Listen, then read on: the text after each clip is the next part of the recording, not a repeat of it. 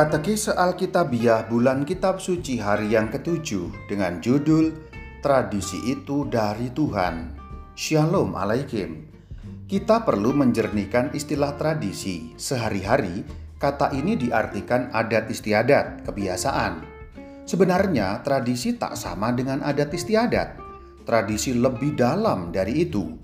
Dalam gereja Katolik, tradisi berarti ajaran iman yang diteruskan sejak zaman para rasul. Tradisi adalah tentang ajaran iman, bukan kebiasaan-kebiasaan. Tradisi menyangkut seluruh ajaran Yesus Kristus yang diwartakan para rasul dan diteruskan para penggantinya. Perhatikan 1 Korintus 11 ayat 23. Sebab apa yang telah kuteruskan kepadamu telah aku terima dari Tuhan apa yang diteruskan oleh Rasul Paulus? Baca, para rasul diterima dari Tuhan. Yang diteruskan adalah tradisi, yaitu seluruh ajaran iman. Jadi, tradisi itu asalnya dari Tuhan. Jelas sudah, seluruh ajaran iman tentang Yesus Kristus disebut tradisi suci. Ada kata suci sebab berasal dari Tuhan, bukan dari manusia. Manusia hanya meneruskan. Saya ulangi, manusia hanya meneruskan. Catat ya, tradisi suci awalnya ada dalam bentuk lisan. Ajaran iman disampaikan dengan perkataan, bukan dengan tulisan. Itulah mulanya. Lalu, sebagian ajaran iman itu dituliskan, namun tak semua dituliskan.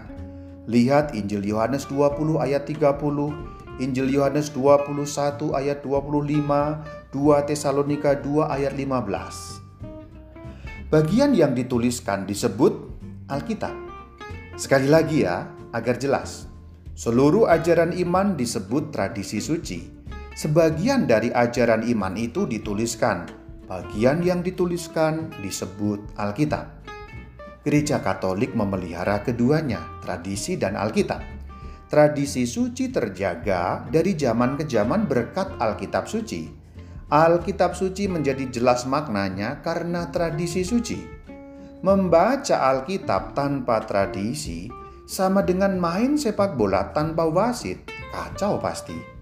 Melaksanakan tradisi tanpa Alkitab sama dengan main sepak bola tanpa aturan tertulis, kacau juga. Gereja yang satu, kudus, katolik, dan apostolik pastilah memelihara keduanya sampai hari ini. Sebab tradisi suci dan Alkitab suci adalah dua cara penyampaian wahyu. Saya ulang, dua cara penyampaian wahyu yang asalnya dari satu sumber yaitu Tuhan. Saya ulang, asalnya dari satu sumber yaitu Tuhan. Kenyataannya, ada juga kelompok yang membuang salah satu itu. Mereka memiliki prinsip sola scriptura yang artinya hanya Alkitab. Tradisi suci mereka campakan. Inti pendapat mereka adalah semua ajaran iman harus dapat ditemukan ayatnya dalam Alkitab.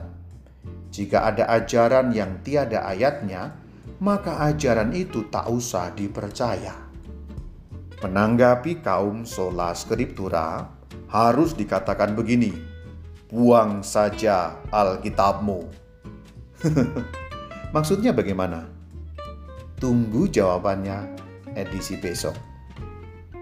Anda bersama dengan saya Reverendus Dominus Istimur Bayu Aji alias Rama Bayu. Shalom alaikum.